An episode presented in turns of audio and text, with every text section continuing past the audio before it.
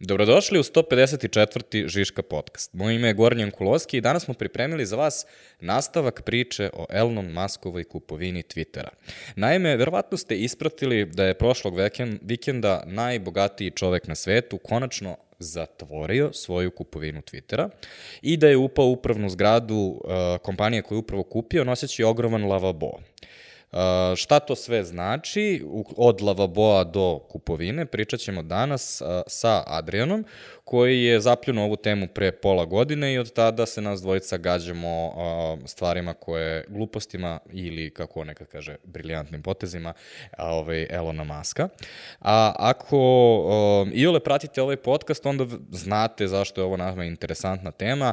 Uh, bez obzira što se razlači već šest meseci, ove promene su verovatno nešto što će obeležiti narednu godinu i za kreatore, i za medije, i generalno čak možda i pop kulturu. Pa, da počnemo. Vi slušate Dobro. Ajde. Uh, pa ajde da uh, malo smo zamenili uloge, ovaj put ja, ja vodim podcast, ti si uh, taj sa mesom za ovaj podcast, da čujemo ovaj, šta se desilo, Gorane, zašto je čovjek doneo lavabo u Twitter? Pa, donao je zato što je u suštini meme lord, uh, odnosno sve što Elon Musk radi je veoma proračunato da bismo ti i ja u ovom podcastu pričali o tome, da bi svi u svakom podcastu pričali o tome, da bi ljudi na Twitteru tweetali o tome, da bi se ljudi na LinkedInu iščuđavali o tome, da bi na prvoj mogao da bude prilog u dnevniku o tome kako zamisli ludak je doneo ovaj, lavabo ovaj, u kompaniju koju je upravo kupio, a iskreno fora je baš baš nategnuta, s obzirom da je ceo punchline fore u stvari njegov tweet koji kaže let that sink in, alava boje sink. Znači, to je bukvalno igra rečima koju on napravio. Bukvalno da. ko neki osnovac u nekim trenucima. Ono. A dobro, ajde pre, pređemo sad, znači, šta se u stvari desilo? Mi smo pre, eto, rekao si, šest meseci, ne znam koliko, snimali podcast. Šta se desilo od tada do sada? Za, zašto sada je na kraju završio kupovinu Twittera? Pa ono što se desilo u stvari je um, da je posle našeg podcasta Elon krenuo da biva Elon i onda je krenuo da um, objašnjava kako Twitter ima mnogo više botova nego što prijavljuje i da zbog toga on ne želi da ipak kupi Twitter ili ne želi da kupi po toj ceni. Um, board direktora i stari CEO Parag Agraval uh, su jednostavno najmili jako dobre advokate i ti jako dobri advokati su Elonu i Elonovim advokatima objasnili da, su, da je papiri koje on potpisao garantuju da će on kupiti te akcije po toj ceni i bili su jednostavno u trenutku kada je najbogatiji čovek na svetu rekao ja ću svu svoju monetarnu silu da iskoristim da vas pobedim, a, oni su rekli, ok, ajde probaj. I to se povlačilo po raznim sudovima i sad e, ono što je trebalo da se desi za vikend je u stvari trebalo je da počne to suđenje u, mislim, Wyomingu ili Wisconsinu, gde je on trebao da e, prezentuje svoj slučaj, koji su mu njegovi advokati savjetovali da će najvratnije izgubiti i onda je jednostavno rešio da skuplja dara nego mera i tako je rekao da konačno će zatvoriti tu kupovinu. Je li to bilo kao više do cenkanja za cenu ili misliš da je stvarno se predomišljao da kupi? Uh, mislim da je Elon je jako kompleksna ličnost svakako, ovaj, ali redko kad radi baš nešto što je totalno otkačeno. U ovom konkretnom slučaju, uh, da, mislim da je možda samo krenuo da talasa, što je nešto slično kao što radi Donald Trump. Uh, ako pravim gomilu problema, sigurno ću ja negde da se snađem bolje u haosu od drugih ljudi. I ono, da li je možda hteo da, je, ono, da, je, da napravi bolju poziciju za sebe ili je to konkretno monetarno, to je sad već diskutabilno, mm. ali ono, radi, ono, Elon did what Elon does. I onda prva, prva velika stvar koju sam ja ispratio na Twitteru da je odmah rekao, e, čao ljudima koji su do sada radili, pravimo velike promene i dao otkaze direktorima, koliko sam ja ispratio, ona tri glavna, od koga je bila ona jedna, uh, aj sad ćeš možda da mi pomogneš s imenom, koja je bila baš za cenzuru, ne znam kako se zove department u Twitteru baš za to. Ja sam slušao podcast kad su baš bili kod Joe Rogana kad su pričali o tome, tako da znam da je otpustio njih troje i rekao je, to vidim ovde, u pripremi da nije hteo da im plati u stvari one ogromne uh, parachutes, kako se zovu ti? Pa to možeš da zoveš zlatne padobrane, a ako si drugačije nastrojen, to bi mogo da zoveš i otpremnine. Mhm. ovaj, m, konkretno ja nisam ispratio baš za ko su sad direktori koji su otpušteni, Mhm. ali ja sam ispratio za Paraga, ovaj, zato što Parag je u ovoj sagi već mesecima i postoji trenutak da um, ovaj, Parag pokušava da objasni Elonu uh, zašto problem sa botovima nije toliko adekvatan i Elon mu, na, znači, na jed, ono, postoji ta razmena ovaj, SMS-ova koja je procurela i na veoma ono, konkretan, normalan poslovni SMS a, Elon odgovara Paragu, a šta si radio ove nedelje? Znači, bukvalno ga kinji. E, I sad, ono što se u stvari desilo je, um, ti nemaš pravo na otpremninu uh, po američkom zakonu u slučaju da um, tvoj poslodavac može da dokaže da nisi radio u interesu kompanije, odnosno to se na engleskom zove fired without cause i fired with cause. On je njih otpustio nominalno fired with cause, ali to takođe je sada pitanje ko će ko, sa kime koliko da se sudi, gde opet se vraćamo na onu celu priču o tome ko može to da uradi i tako dalje. Ono što je trenutno stanje je da je u Twitteru sazvan War Room, Um, ovaj, War Room je ono, uh, ajde da skupimo sad najbitnije ljude zajedno i uh, Elon trenutno testira sve moguće promene odjednom um, i bukvalno ono objavljuje tweetove live šta god mu padne na pamet. Um, ono što znamo je da je sigurno dao uh, veoma sulud rok koji ističe fazon u trenutku kad mi snijamo ovu epizodu, ovaj, taj dan, uh, da se napravi novi login, uh, ne, novi uh, subscribe, ovaj, a, blue checkmark, kako se zove to njihovo, ovaj, Verified. verified. Da se napravi taj novi uh, verified i da su neki od developera koji rade u Twitteru to odbili, uh, zato što je očigledno rok koji zahteva da ono zagineš ono tri dana, da su mnogi već sagoreli i ono znali su da će ovo da se desi i da je praktično to test koji uh, ono tera ljude da ono daju sami otkaze, jer kada opet daju sami otkaze nemaju pravo da unovče svoje akcije koje bi Elon morao da im plati i tako dalje. A, tako da, ono, jako rekao bih jedna toksična situacija sa ono bilo kog korporativnog aspekta. A, a taj War Room je onako trenutno a, jedna orgija visi kapitala i ono kreativnosti. A, prezabavno je da su u tom War Roomu dva podcastera. Znaš da ja volim da slušam All In podcast mm -hmm. ovaj, koji se bavi između ostalog venture capitalizmom i dvojica podcastera David Sachs i uh, Jason Kalakanakis iz uh, ovaj, All In podcasta su trenutno u War Roomu sa Elonom. Um, tako da, šta smo saznali odatle? Uh, saznali smo da je ovaj, Elon tweetnuo da uh, postoji 10 uh, menadžera za svakog jednog koji kodira. Saznao smo, saznali smo da je najavio otpuštanja, to sad ono gore dole koliko je najavio, neki, neki put je procuralo čak i tri, četvr, tri četvrtine ljudi da će otpustiti odande.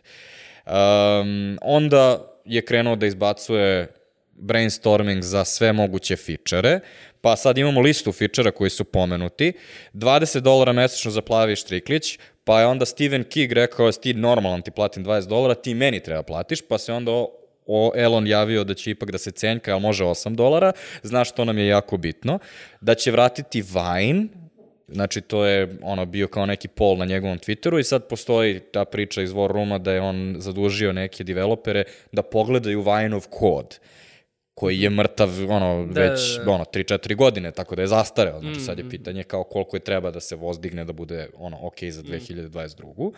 Um, pominje se naravno integracija sa kriptom, postoji video koji je pre War Rooma gde um, ovaj, on priča o tome kako uh, on ima odavno tu neku ideju za nešto što se zove x.com, što je neko in, ono integrisano plaćanje i sve aplikacija kao kineski WeChat.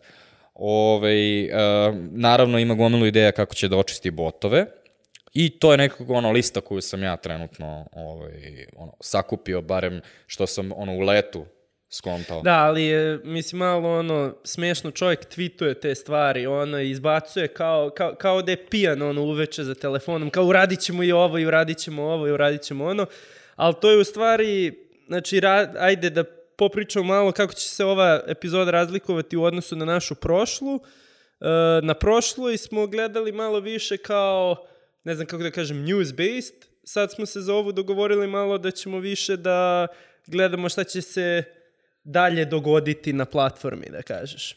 E pa, nismo mi to odlučili, to je on odlučio, zato što kad je ušao u celu ovu stvar bio u fazonu ovo radim zbog slobode govora. A onda kada je preuzeo kompaniju, ono, sve o čemu priča je o tome kako Twitter da zaradi pare. Mislim, ok, logično da bi opstao mora zaraditi pare, slažem se, ali takođe, ono, ako je ovoliki haos sa stvarima koje su kako zaraditi pare, ne smijem ni da zamislim šta će se desiti sa pitanjima koje su veoma osetljiva vezano za slobodu govora i tako dalje. E, ali evo, meni je sad ovde interesantno što, što si pomenuo kako zaraditi pare. Dve stvari. Znači, prvo kao Twitter ne zarađuje ni približno novac koliko zarađuje, ne znam, Instagram ili, ili ovaj, Facebook, TikTok jednog dana. Ovaj, TikTok već sada. Ne Mis... zabo, pa ne zaboravi da... Mi nemamo dobru percepciju toga zato što u Srbiji nemaš advertising na TikToku, pa onda nemamo osjećaj koliko je to. Mm. Ali, šta sam htio da kažem, da li on hoće da, da nađe način da zarađuje da bi zaradio ili da nađe način, evo šta je meni padalo na pamet, sve ove stvari koje on uh, uh, pričao, blue check mark, pa da će da se šeruje uh, deo tog revenue sa krea kreatorima, twitterašima uh, i ad revenue i od blue checkmarka sa, sa, sa twitterašima, meni to sugeriše da on hoće na taj način da u stvari dovede usere pod kontrolu. U smislu, ti na YouTube-u imaš isto, znači nema Twitter toliko specifične probleme koliko neke druge platforme, dru, društvene mreže imaju. Uh, u smislu, sada na Twitteru ne možeš da zarađuješ pare kao individualni twitteraš, Na YouTube-u, na primjer, možeš, na TikToku možeš, Instagram sad isto ubacuje nove modove za to.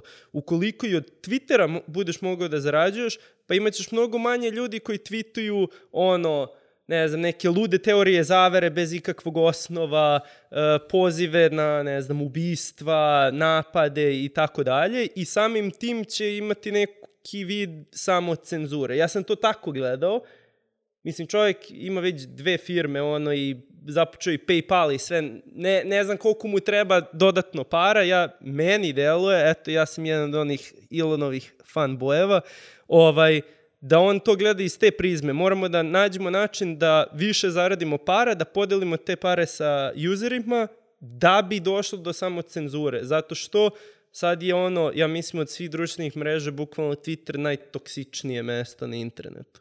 Šta ti misliš o to?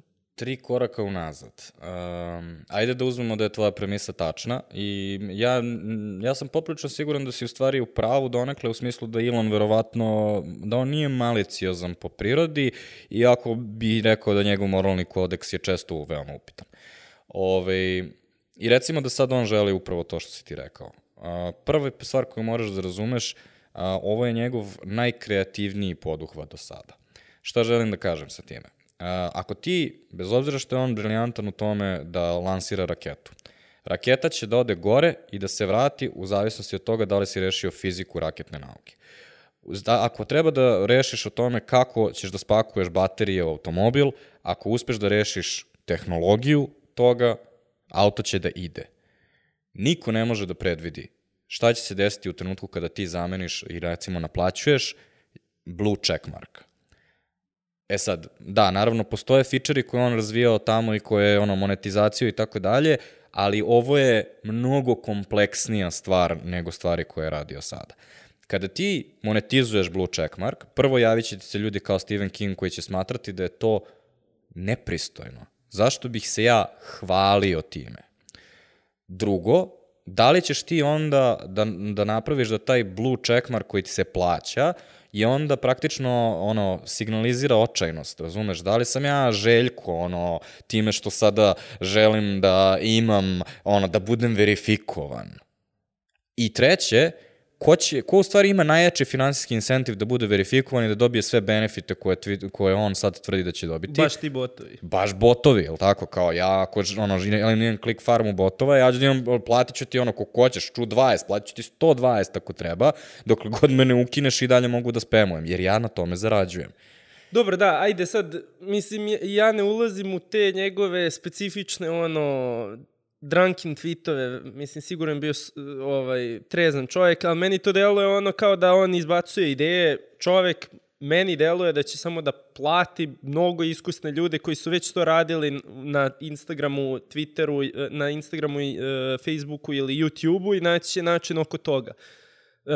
To bukvalno za checkmark mi nema nikakvog smisla, pošto ti kao imaš... Da, ali znaš šta on ne može da uradi, mislim, pošto se bavimo employer brandingom, možda će ti biti poznata logika.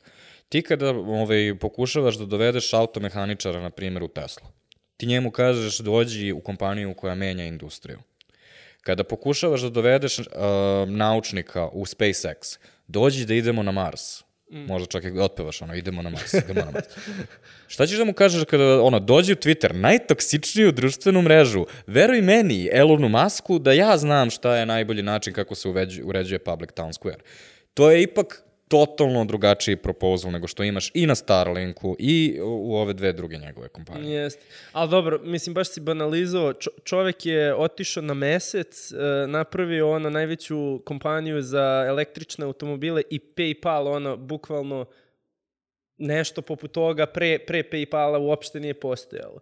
Kao, Jeste, čovek što... ima proven track record, ok, skroz su različite industrije, skroz su različite stvari, ali nije ni on ekspert za sve te stvari.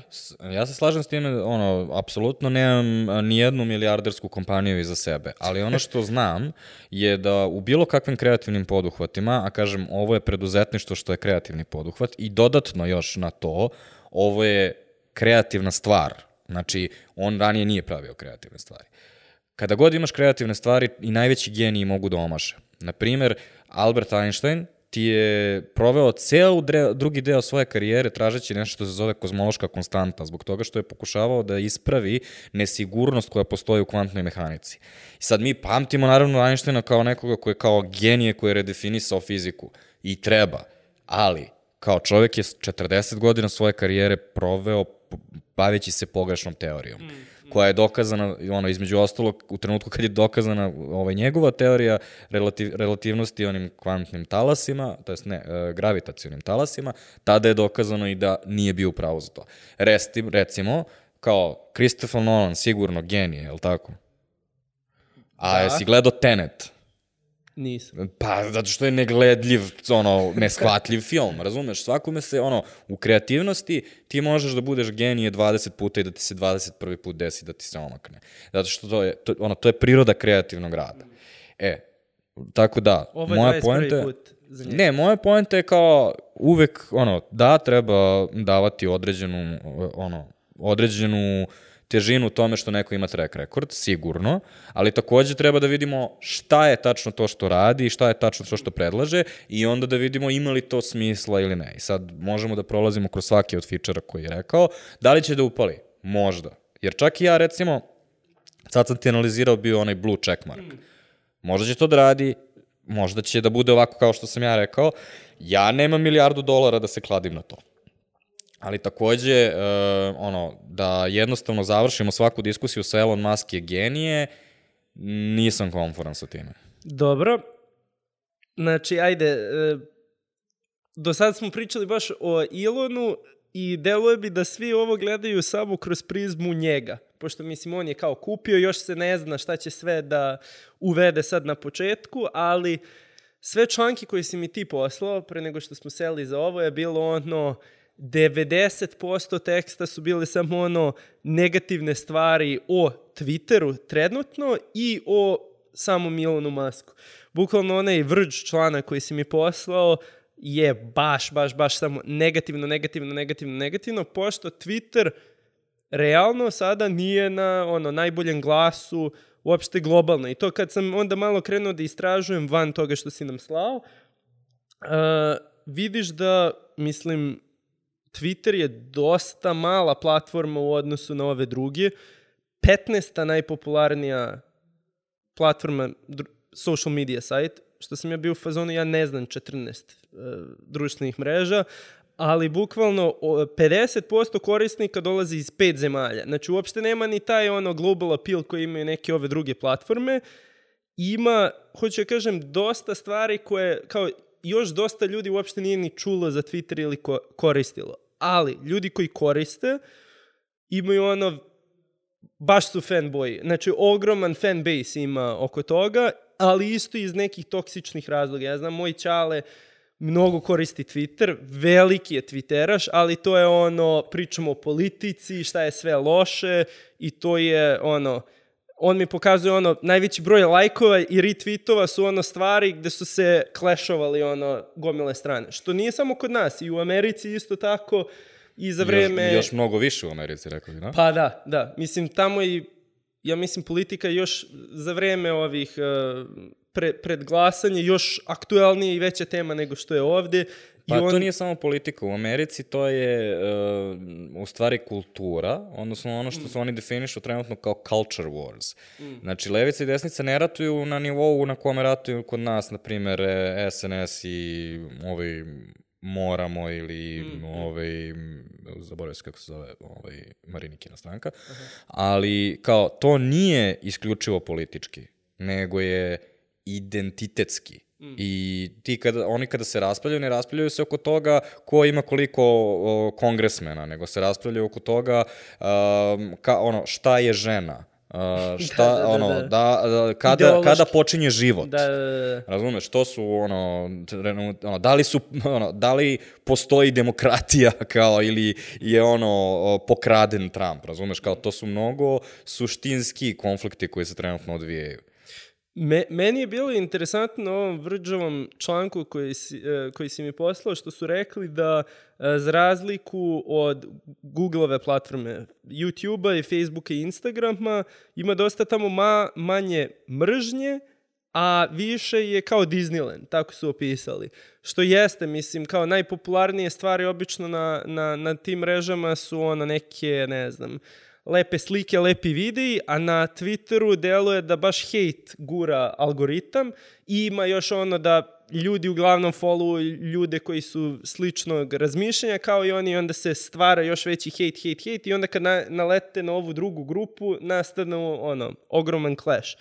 Ali, koji ja vidim upside u celoj priči je da Twitter je i dalje veoma mali u 90% sveta, I ne mislim da je ovo, iako ovo sve što smo do sada pričali može da deluje kao da će Elon ovo sam da vodi, moje ono, kako ja vidim stvari je da će on samo da uzme gomilu ovih para koje uštedo, pošto će dati otkaze gomili ljudi, i da samo zaposli, ok, ne znam sad ko će biti ti ljudi. Ne znam ko će da ode iz Facebooka, Instagrama, YouTubea, Googlea uopšte, da radi za njega, ali za dovoljno para verovatno hoće. I mislim da će baš ti inženjeri na kraju da izvuku, da dovedu više para, da promene algoritam, pošto algoritam je tu baš ono bitna stvar. Mislim, i sam Twitter algoritam su pro, protekli par godina promenio, da ti vidiš više stvari od random ljudi, uh, ono, što ima sad i Instagram, kako se zove, su, suggested tweets, suggested people i tako dalje. Elem, uh, takođe, šta je unik za Twitter, jedna je od redkih text first eh, platformi. Meni deluje ono kao Reddit, ali Reddit ima, ima dosta i slika, ima dosta i videa, ali isto text first. I zato mi deluje i da ima dosta hejta, pošto kao šta je ekvivalent na Twitteru da imaš ono, zalazi sunce i ti jedeš fancy večeru i to slikaš i staviš kao, ne postoji Mislim, sigurno postoji u nekoj ruci, kao možeš nešto da izvučeš koji je taj ekvivalent tog Disneylanda, ali trenutno... Postojalo je to nekada davno, ako se sećaš, postojalo je druga smena, treća smena, ne znam da li se sećaš toga. Ne. Pa to je bilo ljudi ovaj, objave kao da su na Twitteru u nekoj smeni, pa onda tweetaju fore vezano za taj dan. Ove, recimo, koliko se sećam, Koza na štiklama, koja je bila naša najveća twitterašica u jednom trenutku, ove, je uglavnom radila tako neki ono forice, bacaš, Aha. razumeš. Postojala cijela ta zajednica koja, na primjer, vidi da se nešto dešava, pa sad jednog dana je to futbolska utakmica, drugog dana je finale, tvoje lice zvuči poznato, O, z- izvinjavam se zbog primjera, ali davno je bilo. Ove, I onda se utrkuju ko će da baci bolju foru. I um, ovaj, to je zaista bio internet u svom najboljem izdanju, zbog toga što je uh, to, tu se moram složiti sa Ilonom, a to je da nama nedostaje trenutno uh, globalni trg na kome se svi sastajemo. Mm. I ako možeš to da kre kreiraš online, onda je to jako magnetično. Ako svi pričamo u isto vreme o nečemu, osjećamo se kao da smo deo nečeg većeg. Mm. I to se, na primjer, nekada davno dešavalo na forumima, kada si, ono, bukvalno sedneš na, recimo, ono, forum svog fakulteta i onda pričaš o tome šta su bila predavanja danas i ti, ono, postaviš i već je troje ljudi i odgovorilo na ono što si postavio malo pre i diskusija teče real life. I kao ljudi tada onda imaju ono, pravu interakciju i kao osjećaju se kao da ono, su deo nečega. Ako to možeš da kreiš, to je baš, baš moćno. Um, Pa ja imam osjećaj, bukvalno se sjećam kad sam baš, baš bio mali na Facebooku, kao statusi su se nekad koristili na Facebooku. I ljudi bi komentarisali jedni drugima na volu, statuse i sve.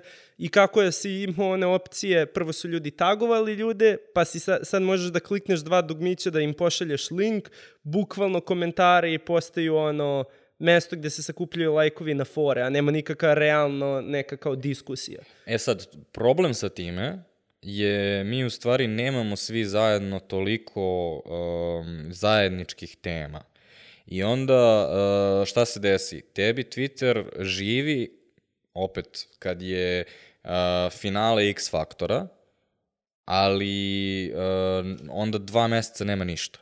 Mm. I onda Novak pove, pobedi na Wimbledonu. Da. I onda imamo izbore.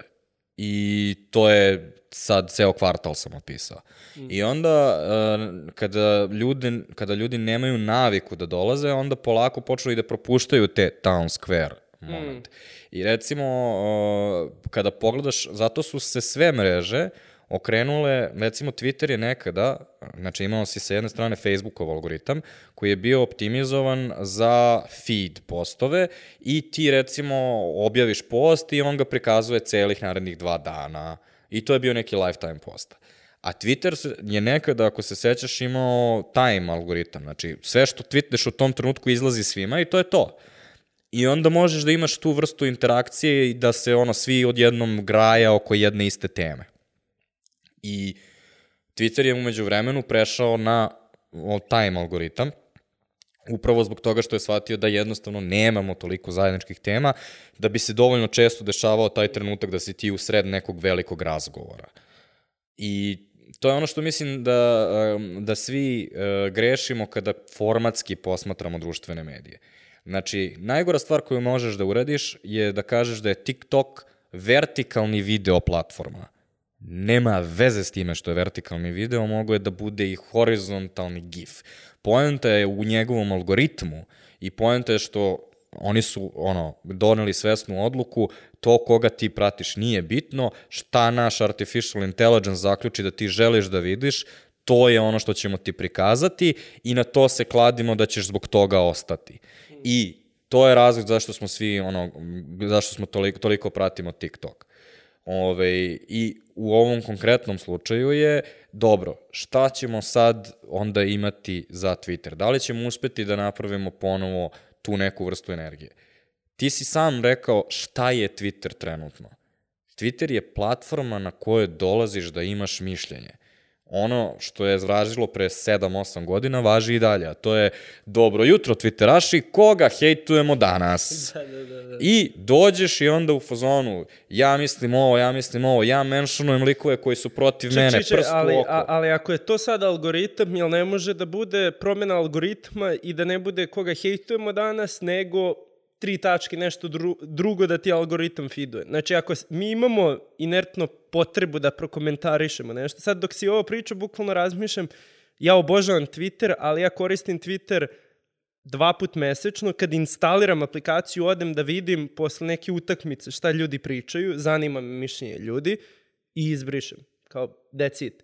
Ali, ako mi imamo tu potrebu, onda je stvar do algoritma da nam feeduje ne mesta sukoba, nego mesta nečega. Znači, ne znam, ne znam je li dobar primer, nemamo... Jeste dobar primer i dobro ti razmišljanje, ali postoje dva problema sa time. Da li ti je poznato šta znači trade-off? Da. Znači, Manje jednog, više drugog. Tako je, ali to ni, uh, poenta trade-offa koju ljudi često propuste, a to je da to nisu iste stvari. Znači, nije crno i belo, pa gde ćemo da stavimo sivo, nego su crno i deterđent. Nekako su povezani, više crnog znači manje deterđenta. To je trade-off. E, ovde imaš trade-off, jer u slučaju da ti pokušaš da, da orijentišeš Twitter ka nekom novom razgovoru, imaš dva problema. Prvi je razlog zašto Elon i, na primer, David Sachs i, na primer, svi ljudi koji o, su veoma ostrašćeni politički na toj platformi, oni su ti super useri. Oni, znači ti bi rekao njima to što vi želite, kažete je nebitno. I onda bi mm. njihov govor na toj mm. platformi manje se vrednovao i ta platforma bi bila manje vredna za njih. Znači, mm. tvoj trenutni core user base ti bi sklonio praktično tim potezom. Da. A druga stvar je, da li bi ti uspeo da nađeš nišu koja je sledeća velika stvar koja će da te potera dalje. Seti se onih trenutaka kad je TikTok bio samo aplikacija za glupe plesove. Da. E, sećaš kako su ljudi bili dismissive tada? Ma, da, da, da. To ti je ona priča ino, o dilemi inovatora i tome da disruptivna tehnologija uvek kada dođe izgleda smešno i lošije od onoga što je dominantna tehnologija. I kao to nama je delovalo kao glupost. Međutim, ono, u tom paketu gluposti došao je taj algoritam koji je sad omogućio da, na primjer, najpametnije stvari koje ja pročitam o digitalnom marketingu ne pročitam na LinkedInu, zbog toga što tamo uh, mogu da nađem samo ovoga Adama, zaboravim se sad kako se ovaj zove, ovaj, i um, ovaj, nego nalazim na TikToku. Jer tu imam, ono, on je provalio kao i kada neko zarola nešto pametno i to u ljudima koji imaju slične interese kao ja, oni na to odreaguju, ja to dobijem u svom feedu. Tako da, pitanje je, da li ćeš uspeti da pronađeš to sledeće što je mm. sada trenutno nedovoljno, ist, nedovoljno mm. istraženo? To mi je uvijek smešno na, twi, na TikToku kad ljudi prozivaju kao algoritam, kao samo ljudi džuskaju ovo ono, pa da samo to želiš da gledaš, ono, najduže si ostao na tim videima. Um, dobro, Dotakli smo se dosta različitih stvari, ali evo, sledeća tema uh, koju si ovde napisao, što meni deluje baš ono, interesantna je, uh, se dotaknemo i toga, da li je ovo end of big tech i šta to uopšte znači? Um, To je jedna priča koja kao možda, za mene je meta priča koja se dešava iza svega ovoga. I kada Dobro. ti reaguješ, inače članak koji sad već treći put pomenjemo je članak koji je napisao Nilay Patel koji je glavni odgovorni urednik uh, The Verge. Ovaj, meni je taj um, ovaj, članak fascina, fascinantan zato što je napisan uh, uličarskim jezikom, ali je u isto vreme veoma potkrepljen ne samo linkovima na stare Nilajove tekstove, nego i istraživanjima koje Verge radi već poslednjih godina, jer oni godinama prate Twitter. Mm. I onda mi je bilo jako zanimljivo kako je čovek iskombinovao nešto što je veoma direktan jezik, koji je pit, pitak za internet. Znači, problem sa ljudima koji su generalno informisani je što će biti uvek oprezni u tome što kažu, mm -hmm.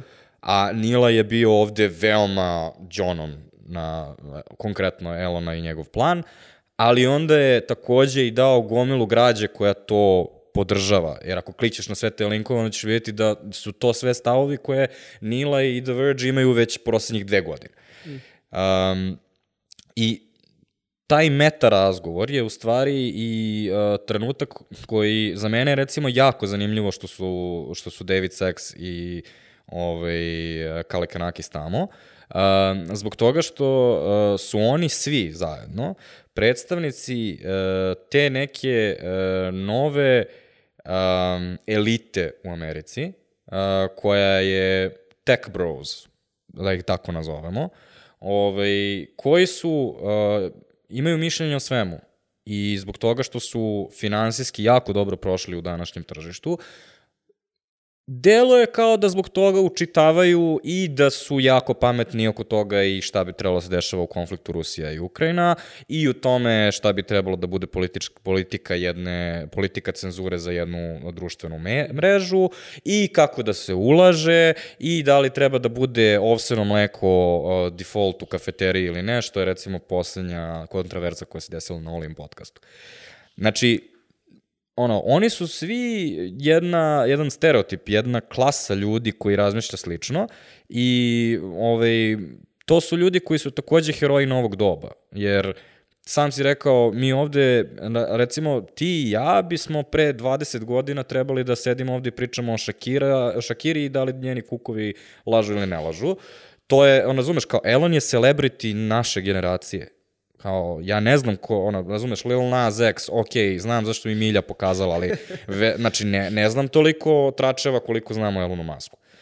Mark Zuckerberg, znači, ono, to je negativac na, ono, naše generacije. Uh, Reed Hastings iz Netflixa. Mm -hmm. Ako se sećaš čovjek koji je išao naokolo i prodavao nam TED tokove i izdao svoju knjigu, knjigu koju smo svi komentarisali pa smo bili u fazonu. Zanimljive su mu ideje u knjizi, ali sam zaista se pitam koliko rade za običnu kompaniju, a koliko rade samo ako si fucking Netflix koji ono ima ono ogromnu rupu para i ovaj raste toliko koliko raste i nemoj zaboraviti jedna stvar koja je dosta bitna za sve ove biznise, a to je bila je era jeftinog novca. Imao si quantitative easing i um, kamatne stope su bile u minusu. Što znači da je svim ovim likovima bilo mnogo lakše da finansiraju svoje širenje i svoj biznis ili da finansiraju ono, investiranje u budućnost. Šta se dešava sada?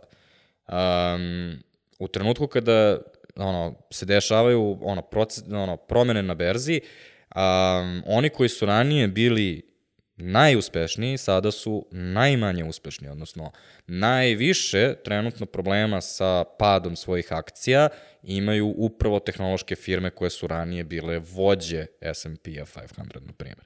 Znači, Elon Musk je sasvim, ono, sasvim kao što smo rekli, moguće da, da i ovo upali i ima proven track record, uh, ali takođe je izgubio 49 milijardi dolara na ovome. Sviđa mi se što je to pisalo u tekstu da je izgubio. Nije kupio, nije uložio, nego je izgubio, bacio je. Bum, vatra, nestale su. Da li je da je držao jezik za zubima prethodnih šest meseci i da je samo kupio odmah, njegova cena akcije danas bi bila veća nego što je ovaj, provlačio mm. kroz sve ovo. Znači, samo da je uh, prestao, da se suzdržao, čovek bi bio 20 milijardi dolara bogatiji. E sad, ja znam da su sve to procene akcije i da su sve to banane, a ne pare, ali, kao ako već kažemo da je on najbogatiji čovek na svetu, mislim da je bio, pošto više kao nije posle ovoga svega, ovaj, fajn, ali ono, ako mu dajemo kredit da je, na, da je toliko uspešan zato što ima sve te pare, onda moramo i da mu oduzmemo kredit zato što je sad izgubio sve te pare. Međutim, kao pored njega imaš Zuckerberga koji trenutno, uh, meta je pala uh, 70% za godinu dana. Hmm. Razlog zašto je pala je zato što smo mislili da su ove kompanije donele sasvim ono, revoluciju u način na koji mi međusobno um, mi međusobno hoću kažem opštimo, to je baš kretenska reč, ovaj, na koji, ono, u, u ljudsku interakciju, a u stvari se ispostavilo da je sve to jedna mašina koja će kad tad da posustane i veoma brzo će da posustane ako ti Apple ukine pravo pristupa, pa je to bio prva stvar, a onda je druga stvar je da boy genius Mark Zuckerberg je rekao mi ćemo da idemo u metaverzum i trenutno uh, planira ove godine da, da u, u metaverzum uloži 13 milijardi dolara. Uh, ovaj, a da, ta, da to ulaganje će vremenom da naraste na 25 milijardi dolara godišnje. I onda je na tom Olin podcastu koji smo sad pričali, Čamat Palehapatija je um, ovaj, sračunao koliko je kada ono, uzmeš one uh, dolare koje su, uh, koje si kalibrisao za inflaciju, uh, koliko je koštalo da se desi, na primjer, sletanje na mesec, koliko je koštalo da se desi Apollo misija i jedina stvar koja dolazi blizu metaverzuma je Apollo misija, jer kao to ono dođe do nekih uh, on je sračunao 250 milijardi dolara na kraju će koštati kada ti pogledaš koliko ono, recimo mm. da im treba 10 godina da naprave nešto cool i da počnu da zarađuju na metaverzumu. I šta je sad trenutno stanje, šta je u stvari taj meta razgovor koji ja pokušavam da setapujem ovde. Imaš sve te ljude koji um, ono, su pobednici dobrog perioda. A, u vreme a, kada je svima išlo dobro, svi smo ih gađali parama zbog toga što smo znali da je najbolji način da zaradimo i da kupimo njihove akcije koje će rasti, zato što će drugi ljudi da urade isto što i mi i zbog toga su svi izgledali kao genijalci. To je delimično priča i koja kači i ovaj, kripto i NFT-eve i sve ostale. Kao rising tide lifts all boats ne, ovo postoji na srpskom, nemam pojma, ali uh, poenta je... bolje na engleskom. Da, ovaj, poenta je u tome da sada trenutna ekonomska klima je jednostavno isisala sav vazduh iz prostorije i sada je svima malo teže da dišu. Sada ćemo da, ono, sada će da se desi možda sledeći dot-com bubble. Sada ćemo da vidimo ko će da preživi to. Sada ćemo da vidimo ko je zaista genije a ko je samo good enough. Mm. A, šta će se desiti uh, ovaj, sa, sa tim kompanijama i čije će inovacije zaista da uspu, uspeju da prebace u narednu fazu. Mm. Ali to je stvar, mislim, slušam sve vreme, mislim da i dosta sad nekih za redom faktora se desilo, tipa Facebooku već sada, mislim, ima ogroman pritisak i od TikToka, lupam, pomenuo si Netflix, sad sve, svi TV kanali imaju svoje streaming servise, nema toliko, pre, pre si mogao da gledaš toliko različitih serija i od Disneya i od uh, Paramount Pictures ili koga god na Netflixu, sad su oni svi povukli svoj sadržaj i prave svoje, svoje platforme. Ono, konkurencija je toliko porasla, plus rat u Ukrajini, plus ono, COVID, koji se i dalje tu, tu je negde. Mislim kao, ekonomska situacija je baš lošija, lošija, lošija, a Zuckerberg je u fazonu, ok, mi ćemo da odemo u metavers i da skroz oduvamo konkurenciju, pošto niko drugi ne ulaže u to. Ali to je upravo ta mističnost koju smo mi pripisivali tehnološkim firmama, tehnološkim liderima, jer e, to što sada opisuješ znamo za svako drugo tržište. Mm. Znači, kada izađe Coca-Cola i lansira limunadu, mi znamo da postoji a, ist, ono, ista ili slična limunada u svakoj pekari u Srbiji, postoji onaj bućkuriš, ono mm. što iznad frižidera stoji. I onda smo u fuzonu, ali da li će vaša limunada da bude ukusnija, jeftinija ili more convenient, odnosno zato što možeš da je kupiš na trafici, ovde baš moraš da naletiš na pekaru mm. i onda gledamo A mi smo rekli, Facebook je uneo revoluciju u način na koji mi interagujemo. I onda smo mislili da zbog toga što Facebook ima toliku količinu podataka i zbog toga što ima najbolje data naučnike na svetu i zbog toga što oni mogu da predvide šta mi mislimo pre nego što pomislimo, da niko nikad neće moći da napravi nešto što će da nas odlepi od Facebooka. I onda je došao TikTok i onda se sve to samo promenilo. Mm. I kao ovo što ja sad govorim nije samo uh, neko naše iracionalno shvatanje, nego je bilo ono, oslikano time koliko su ti ljudi zarađivali i koliko su vredele njihove kompanije. A ono što je takođe kreiralo je njihova vera u sobstveni uspeh i da ako veruješ u nešto dovoljno jako, kao što kaže Paolo Coelho, u tehnološkom svetu, na kraju će ti se i ostvariti. Mm. Jer ta ista klima koja ono provejava iza Elona može da ti ono da ti napravi nova električna vozila, ali može da ti napravi i Teranos sa Elizabeth Holmes i može da ti napravi WeWork sa ovim uh, Adamom Newmanom, koji kao je u fazonu, ali mi nismo real estate kompanija, a u stvari sve vreme jeste real estate kompanija Da, i tako dalje. Znači, to je sad pitanje. Uh, ljudi žele da kupe plavo dugme. Možda ne žele da kupe plavo dugme, saznaćemo sada. mm. Tako da, um, ovaj, jako je zanimljivo, ne znam da li si uh, ispratio da je pre ove sage, u trenutku um, kada je, um, kad, ono, pre nešto, oko, ono, oko leta je bilo, uh, procurale su SMS poruke sa Elonovog telefona. I uh, to su uh, poruke gde um, ovaj, ljudi koji su Elonovi poznanici i prijatelji um, pričaju sa njim o tome šta sad Twitter treba da bude. Uh, sam Elon u tim porukama zvuči ono, izvanredno smireno i kao veoma zna šta radi, ali ono što je zanimljivije je kako ljudi reaguju na njega. Uh, tolika količina idolopoklonstva, tolika količina, kao da je ovo sve neka igra. Um, ovaj, kao da, um, ono, uh, sada ćemo, ono, oslobo, to što je rekao, oslobodit ćemo pticu. To je u stvari došlo iz sveg tog osjećaja koji provejava kroz te poruke, a to je da je ovo neka vrsta kulturalne revolucije koju upravo ta tech bro ovaj, mm. scena trenutno zavodi u mainstream, ja bih rekao. Mm. A, ili recimo Larry Ellison iz Oracle koji je preko SMS-a obećao Elonu milijardu dolara za njegovo ulaganje u Twitter. Mm. Ne, ono, ne znam kao gde je moja granica šta obećavam preko SMS-a, ali siguran sam da je dosta daleko od milijardu dolara. Jednostavno, kada uđeš u taj svet, počinješ da vidiš da su, da je to čitava jedna klasa ljudi koja je izgubila malo dodir sa realnošću.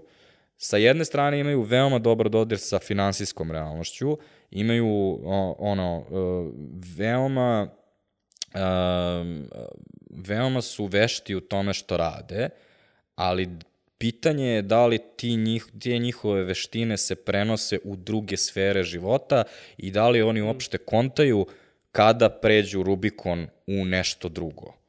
I to je razlog zašto je ceo taj clash koji se ovde provlači, a to je, izvinite, je li ovo inženjerski problem, ili je ovo kreativni problem, ili je ovo politički problem, ili je ovo problem diskursa, društveni problem, šta je ovde ono što re, ovaj, rešavamo. I izvini, ali ja mrzim da, da budem taj lik koji u fazonu nemaš ti kredibilitet da govoriš o tome, mislim da samo svako treba da govori ono argumentovano mm. i da treba da gledamo težinu argumenta koje neko donese.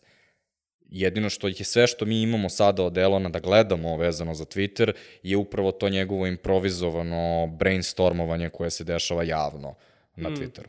Ali dobro, mislim, e, takođe, ja mislim to što si rekao, izgubio dodri sa realnošću, čovek je toliko dugo u poslu, toliko stvari uradio, on i ne gleda na te pare kao pare, nego kao ajde nešto da stvorimo novo, da pobedim i u tome. Pobedio sam i u automobilskoj industriji, u industriji financija i evo, čovjek ide i na Mars, ono, ajde da pobedim i u društvenim mrežama. I kao, da, ima mi smisla sve što si rekao, ali ti ljudi, ono, vode samo neki totalno drugačiji svet.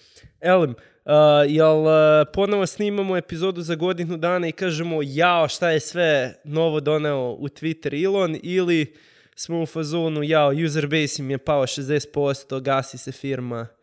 Pa pazi, nećemo praviti epizodu Schadenfreude ako, je kao, ako se gasi firma. Um, o, ovaj, ono što uh, ja zaista u stvari želim da ovo uspe. Ja volim kada se bilo šta nešto novo desi na internetu. Uh, meni je TikTok uzbuljiv ne toliko zbog toga što volim da gledam kineske kuvare, što je moj ovaj, thing, ove, ili ljude koji čiste kopita, što je takođe, neš, da. Šta tebi izlazi u algoritmu? Bukvalno ASMR, znači gledaš lika koji ono radi na farmi i kao očisti ono i kao it's a good I day's I to je ceo, work. ceo video to je, je samo. ceo video, nema ništa, to je sve. Ove, I punchline, uh, volim da vidim nove stvari na internetu, kao nove čudne stvari. Mm. I žao mi je što onaj stari Twitter koji kao sam ja volao nije raširen više i kao ovaj, tako da zaista ono, ja želim da vidim nešto cool i novo, ovaj, ali takođe ne mogu da budem carte blanche, ovaj, što bi rekli, uh, muda za bubrege, kao ako neko bude u fazonu ovo će da radi, a vidim da očigledno je ono jako upitno, onda ne mogu da budem u fazonu da, da, totalno vidim kada ne vidim. Da, da. Dobro, ovde nešto piše da treba sad da mi se zahvališ. Što Evo, znaš onaj moj uh, kraj? Pa ne znam, ja sad ću ga čujem ponovo, ajde. Elem, ovaj, uh, Adrian je uleteo, pošto sam ja bio bolestan ovaj, uh, za vikend, uh, tako da sam morao da otkažem redovnu epizodu uh, i onda je Adrian uleteo um, veoma vanredno da snimimo ono što je trenutno i goruća tema, što bismo svakako snimili kao neku vrstu vanredne epizode. Tako da, Adriane, hvala ti što ovaj podcast neće preskočiti jednu nedelju. Ti si naš heroj. Jel ti se nije desilo ni jednom? Šta? Od ovog novog formata da se preskoči. Od ovog novog formata ni jednom nismo i nećemo preskočiti dokle god ja ne umrem u Nišu. Elem, uh, vi ako ste došli do ovde, zapratite nas na našem YouTube kanalu. Uh, svake nedelje, kao što smo upravo dokazali, izlazi nova epizoda. Uh, možete nas zaplatiti na svim audio platformama, a uh, ono što uvek preporučujem je proberite stvari koje vas generalno interesuju. Ako vas interesuje ono šta se dešava u um, svetu društvenih medija, tehnologije i tako dalje, imate, kao što smo pominjali, epizodu 127, Adrian i ja pričamo kad je ova cela priča počela, kako je trebalo da izgleda, o, znači zove se Elonov Twitter, a, epizoda 127, a, a takođe imate i epizodu 98 gde detaljnije ulazimo u metaverzum i plan Marka Zuckerberga šta to treba da izgleda i kako. Um, želim vam do slušanja, jer podcaste uh, niko ne gleda uh, i odak da nađem neku novu žrtvu da pripremi neku narednu temu.